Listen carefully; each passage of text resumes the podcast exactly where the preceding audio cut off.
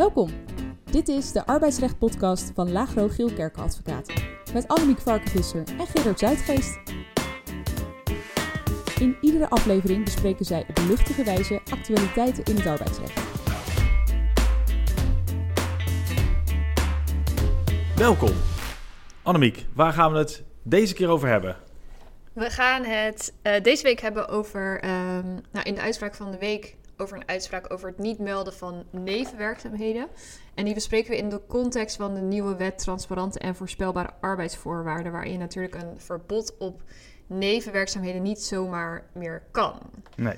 Uh, en dan pakken we ook nog een uitspraak mee die ook te maken heeft met die wet. Maar dat gaat dan over de invordering van opleidingskosten en de vraag of sprake is van noodzakelijke opleiding, waarvoor de werkgever geen studiekostenbeding meer mag overeenkomen. Ja, dus twee uh, uitspraken over de impact van de wet ja. transparante arbeidsvoorwaarden. Hartstikke mooi, daarover dus later meer. Eerst maar... Newsflash. Wat moet je weten? De Newsflash. Vorige keer stonden we al stil bij de krapte op de arbeidsmarkt. Ja. In het kader van de Newsflash. En het feit dat vorig jaar maar liefst 1 op de 5 werknemers van baan verwisselden. Mm -hmm. Uh, die uh, krapte op de arbeidsmarkt is ook, in het, is ook nu nog voelbaar, zichtbaar, meetbaar. Uh, waar in de vorige zomer nog werd gevreesd van recessie. -hmm. vanwege de inflatie, vanwege hoge energiekosten. Is inmiddels gebleken dat we in het vierde kwartaal de economie weer wat is gegroeid. Uh, en ook is de krapte in de, op de arbeidsmarkt eigenlijk tegen de verwachting in weer wat gestegen. Ja. In het vierde kwartaal van 2022 waren er volgens het CBS 123 vacatures op 100 werklozen. Dat was in het kwartaal daarvoor nog ietsje lager met 121 vacatures op 100 werklozen. Ja. Een lichte stijging dus. Het aantal werkenden nam in het vierde kwartaal ook nog wel weer behoorlijk toe, met ruim 100.000 mensen. En het aantal werkenden, hè, gemeten mensen tussen de 15 en 75, dat was in Nederland nog nooit zo hoog als in het afgelopen kwartaal, 9,6 miljoen. Oké. Okay. En dat, dat eindigt dus ook voorlopig niet, lijkt het. Maar dan groeit dus kennelijk het aantal banen nog steeds harder dan het aantal werkenden. Zeker. Ja, ja, ja. ja. ja en we zien ook uh, de, ja, best wel veel artikelen over de gevolgen van die krapte op de arbeidsmarkt in de, in de media. Zo zag ik uh, bijvoorbeeld een onderzoek van het UWV dat werkgevers de functievereisten steeds meer versoepelen om dan er maar voor te zorgen dat er genoeg mensen solliciteren. Dus ze kijken niet meer zo streng naar de, bijvoorbeeld de opleidingsvereisten of uh, ze vragen dan minder ervaringsjaren. Ja. Logisch, hè? Noodbreekwet. Andere Precies. trend in, de, in die krappe arbeidsmarkt. Uh, steeds meer zelfstandigen. In het derde kwartaal van 2022 en ook in het laatste kwartaal zijn er maar liefst 60.000 mensen gestopt met hun baan en begonnen Ja. als ZZP'er. We hebben het al een paar keer besproken in de podcast. De regering wil dit echt een keer stoppen Mhm. en bereidt ook wetgeving voor. In de Tweede Kamer is daar deze maand nog over gesproken. De Commissie Sociale Zaken en Werkgelegenheid die besprak een brief van de minister van 16 december van vorig jaar over uh, de plannen uh, rond zelfstandige arbeid. Eerder podcast zei ik al kort besproken. En een van de elementen van die brief is: we gaan, kijken niet langer naar de inbedding van de ZZP'er in de organisatie van de opdrachtgever, maar naar de vraag of de, het werk dat de ZZP'er Ja. doet in die organisatie is ingebed. En uit de behandeling bij die commissie lijkt wel te volgen dat de regering eigenlijk wel door kan met de beoogde wijzigingen. Er wordt dus denk ik al best wel snel vervolgd. Dit gaat uh, best wel impact hebben, denk ik. Ja, denk ik ook. Ja, het is ook wel goed dat het nu, uh, dat er, ja, dat het nu wordt do doorgepakt. Want Ja. het ligt natuurlijk al best wel lang stil, dit Mhm. onderwerp. Ja, zeker. Um, en in dat kader zagen we ook een uh, zeer recente uitspraak van het Hof Arnhem-Leeuwarden, waar dat criterium, dus de inbedding van het werk in plaats van de inbedding van de persoon, al door het Hof van belang werd geacht bij de kwalificatie van de samenwerking tussen de partijen. En ja, het feit dat, dat ZZP-werk tot de kern van de organisatie behoorde in die zaak, noemde het Hof dan als eerste argument voor het aannemen van een uh, reguliere arbeidsovereenkomst in plaats van een overeenkomst van opdracht. Ja, en een aantal keer is natuurlijk al aangekondigd dat de Hoge Raad iets over de Deliveroo gaat zeggen, waarbij dat Ja. ook gespeeld. Deliveroo, belangrijke Deliveroo-uitspraak, maar die is op, op, op aangehouden. Mhm. En ja, uh, krappe arbeidsmarkt, steeds meer ZZP'ers. Dat maakt natuurlijk dat werkgevers vaker in een onmogelijke spagaat gaan komen. Hè. Vaker, vaker dan werkgevers misschien willen, melden arbeidskrachten zich uh, wel, maar zeggen dan dat ze alleen maar als ZZP'er beschikbaar zijn. Ja, en als het dan misgaat, en vaak bij ontslag of bij arbeidsongeschiktheid, dan meldt die ZZP'er opeens dat er toch sprake is van een arbeidsovereenkomst. En er zijn wel mogelijkheden om, dat, om de gevolgen ervan in contracten wat te beperken. Dus het is van belang om uh, als opdrachtgever echt goed naar te kijken. Maar helemaal veilig ben je denk ik uh, nooit. Zeker niet als het om een kernactiviteiten gaat. Ja, zeker. Ja, en dat kamer, kader ook twee uitspraken van het Hof Amsterdam over Roemeense en Slovaakse werknemers.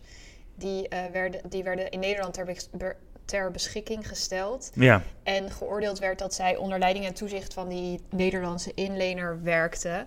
En dat ze daarom dus ook, uh, of dat die, ja, die uitzendwerkgever dus de Nederlandse arbeidsvoor, of tenminste de harde kern arbeidsvoorwaarden moest toepassen. Ja, in plaats van dat, ze, uh, dat er aanneming van werk was. Ja. De, dus de, de, er werd echt geoordeeld leiding en toezicht dus uh, voldoen aan de Nederlandse voorwaarden. Ja, ja en daar zag je dus dat de werkgever echt uh, flinke bedragen moest nabetalen. ging echt om tonnen ja. aan nabetaling. Ja, het gaat niet altijd verkeerd met ZZP'ers, want er is ook heel recent, vorige week of zo, een uitspraak verschenen over een sportdocenten. en daar werd door de rechter geoordeeld, ja, hier is wel sprake van een ZZP-relatie, niet een arbeidsovereenkomst. die, die sportdocenten vond dat opeens dat dat aan de orde was. Maar die sportdocenten bepaalden zelf hoe haar lessen eruit zagen. Wanneer deze al dan niet werden ingehaald. Zij acquireerde ook via Facebook haar, haar eigen klanten. Ja. Uh, en mensen konden uh, bij een uh, zorginstelling zich inschrijven voor die, voor die lessen die zij, dan, die zij dan gaf. Ze werd ook niet betaald als ze niet werkte. En dat duidde volgens de rechter allemaal op een overeenkomst van opdracht. En niet op basis van op een arbeidsovereenkomst. Dus het, het kan wel, maar het vergt wel dat je goed nadenkt als opdrachtgever uh, over een aantal aspecten die je al dan niet contractueel moet, moet vastleggen. Ja, precies. Dan een ander onderwerp. Dat is dat er uh, ook recent is gedebatteerd door de Tweede Kamer over een initiatiefwet. waarin een wettelijke verplichting voor werkgevers wordt geregeld om met werknemers een gesprek te voeren over de bereikbaarheid buiten werktijd. Ja, ja. En dit is een wetsvoorstel van de P van de A. En die is ingegeven vanuit de gedachte dat werknemers geregeld het gevoel hebben dat ze altijd bereikbaar moeten zijn voor het werk. Mm -hmm. uh, en dat brengt dan weer risico's met zich mee voor de psychosociale arbeidsbelasting, zoals bijvoorbeeld stress uh, of burn-out klachten. En deze risico's zouden dan volgens het wetsvoorstel kunnen worden beperkt wanneer werkgevers en werknemers afspraken met elkaar maken over het niet bereikbaar zijn buiten de werktijd. Ja, ja, het, recht, het recht op rust. Precies. Ja, er is in de Tweede Kamer over gesproken, maar het lijkt ons nog niet echt nodig om nu al dieper op dat wetsvoorstel en de gevolgen voor de praktijk in te gaan, omdat ja, de kans eigenlijk nog niet zo heel groot is dat dit wetsvoorstel echt wordt aangenomen. Een aantal partijen zegt ook, ja, dat hoeft ook helemaal niet te worden aangenomen, want in Europees verband wordt er al nagedacht mm. over uh, richtlijnen hier, hiervoor. Begin 2021 heeft uh, het Europees Parlement ook al de Europese, commissies, Europese Commissie verzocht de risico's uh, van het niet beschermen van werknemers tegen altijd maar online moeten zijn uh, genoemd en geïnformeerd dat dat, dat, dat moet worden aangepakt. het Europese parlement heeft een jaar later, in januari 22, ook nog eens een keertje daar wat over gezegd. Ja. En dus een aantal partijen grijpen die Europese ontwikkeling aan om te zeggen: ja, Nederland moet even pas op de plaats maken. Even wachten. Realiseren zich natuurlijk wel dat Euro Europa echt nog veel trager gaat ja. dan Den Haag waar het gaat om wetgeving. Uh, kortom, het lijkt dat erop dat er voorlopig, ondanks dat in die initiatiefwet, nog even niks op dit punt uh, verandert. Nee. Heb je nog wat anders? Ja, ik heb nog een, uh, iets over het onderwerp seksueel grensoverschrijdend gedrag, waar we het natuurlijk best vaak Iedere over week kan je het Iedere over week, hebben. Ja. ja. want ja, eigenlijk elke week verschijnt er ook wel weer een uitspraak of een artikel over. En nu zagen wij op NOS deze week een artikel met de kop werkgevers schieten door na melding grensoverschrijdend gedrag. Ja, is ook de werkelijkheid, denk ik. Ja, tenminste, ja, dat zien we denk ik wel terug in de praktijk. Ja, er wordt regelmatig, wordt er uh, vanuit een soort paniek, wordt er, uh, ja. er is een melding. Nou, dan, dan moeten er meteen maatregelen worden genomen, zonder dat er zorgvuldig onderzoek uh, wordt gedaan. En de, de, vaststelling of er nou wel of niet een goed onderzoek heeft, heeft plaatsgevonden voordat die maatregelen worden genomen, ja, da, da, daar, schiet het, daar schiet, het vaak, uh, schiet het vaak bij in. Ja, en wat ik wel interessant vond in het artikel is dat je dan ziet dat Hofman, dat is dan een, onderzoek, een onderzoeksbureau, uh, die Best meldt... een bekend onderzoeksbureau ja, natuurlijk, ja, ja. Ja, die meldt dan dat het aantal onderzoeken naar grensoverschrijdend gedrag echt significant is gestegen. Want in 2021 waren dat nog 31 onderzoeken en in 2022 96. Ehm, maar dat op zich qua aantallen nog wel mee. qua aantal, ja, Ja. maar ze noemen in dat artikel ook wel andere eh, onderzoeksbureaus die ook veel Ja, onderzoeken doen. Ja. Dus dit is er natuurlijk maar één. Maar Hofman meldt dan ook dat zij in 30% van de, van de meldingen weigeren onderzoek te verrichten. Omdat zij dan Mhm. vinden dat de melding te mager is. En zij vinden dan dat de werkgever geen rechtvaardig belang heeft om te gaan onderzoeken. ja. Ik vraag me dan wel af als ik dat lees, wat je dan als werkgever moet. Want dan denk je, nou, ik doe mijn. eh, ik, ik ja, hou me aan mijn zorgplicht. Ik ga eh, goed onderzoek laten verrichten. Maar dan weigert het onderzoekbureau, onderzoeksbureau dus om dat te doen. Ehm, ja, ik zou denken dat als de melding echt heel mager is, dan zou je dus zelf kunnen onderzoeken van. En op basis van dat eigen onderzoek kunnen concluderen dat er dus inderdaad te weinig is en dat de melding niet is vast komen te staan. Maar ja, is dat dan genoeg in het kader van je zorgplicht? Ja, ik denk dat dat sterk van de omstandigheden van het Ja. geval afhangt. Hè. Kijk, als je zelf als werkgever eh, de eh, beschuldigingen stevig genoeg vindt om een externe partij daarvoor in te zetten, dan lijkt het voor de hand dat je dan een andere partij gaat vragen als de eerste onderzoeks, Ja. het eerste onderzoeksbureau Ja, bureau weigert om te onderzoeken. Want het is, mijn ervaring, ik weet niet of dat bij jou ook zo is, maar mijn ervaring is dat de werkgever niet altijd echt wil weten hoe het precies is gegaan, maar met regelmaat voor de quick fix kiest. Hè. Eh, De, de, de vermeende dader moet weg. En als dat natuurlijk de doelstelling is, dan ligt het voor de hand dat je als werkgever die vermeende dader niet heel snel op de hoogte stelt van welk onderzoeksbureau je nou gaat kiezen. Maar eerst maar een onderzoeksbureau Ja. vindt dat ja zegt Ja, tegen die precies. onderzoeksopdracht. Ehm, en vanuit het perspectief van de vermeende dader is het dan misschien juist handig om je werkgever te vragen: joh, misschien moet je bij, bij dit soort onderzoeksbureaus dan maar de, de vraag neerleggen. In de hoop dat die onderzoeksbureaus de, de aanklachten licht vinden en dat je Ja. dat in een latere procedure kunt gebruiken. Ja. Dus het hang- ik, denk dat, dat je daar hier van alles mee ook op praktische manier kunt doen. Bottom line is wel dat als je als werkgever geen onderzoek doet, maar wel maatregelen neemt, dat je bij een rechter daar Ja. echt wel een tik voor op de vingers krijgt. Zeker. Maar de realiteit is ook dat in 99 van de 100 gevallen de zaak helemaal niet bij de rechter komt. En partijen gewoon tot een, tot een eh, beëindigingsregeling, eh, beëindigingsregeling komt.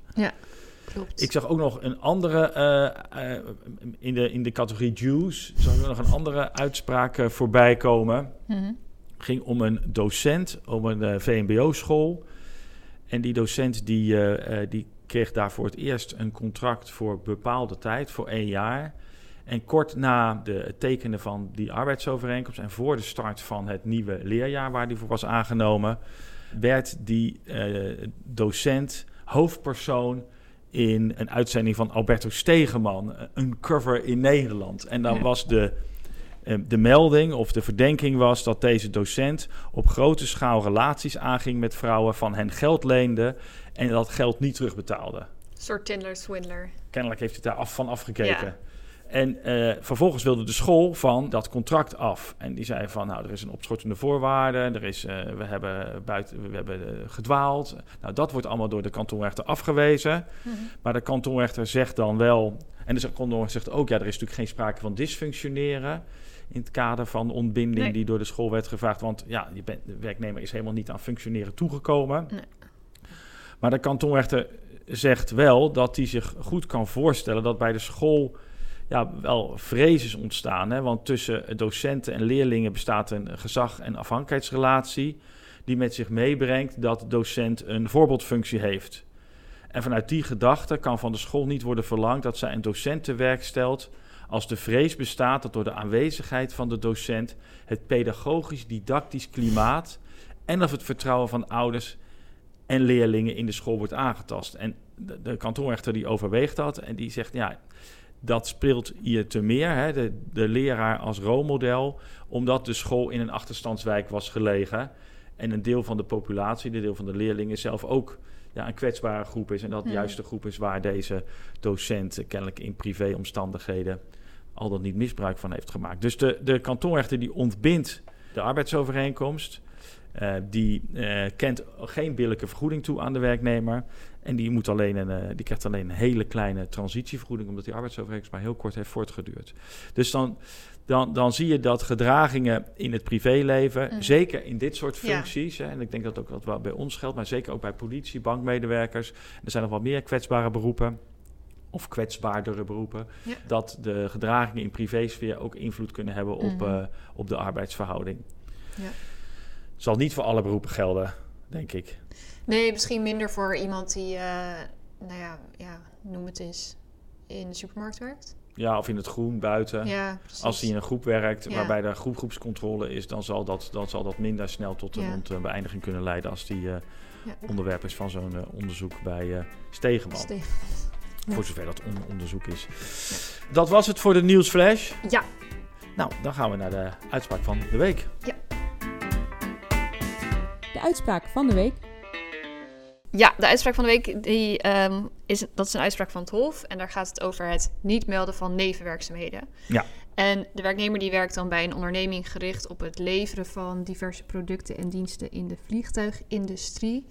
En in de arbeidsovereenkomst is een nevenactiviteitenbeding. Hij heeft daar een zware functie, hè?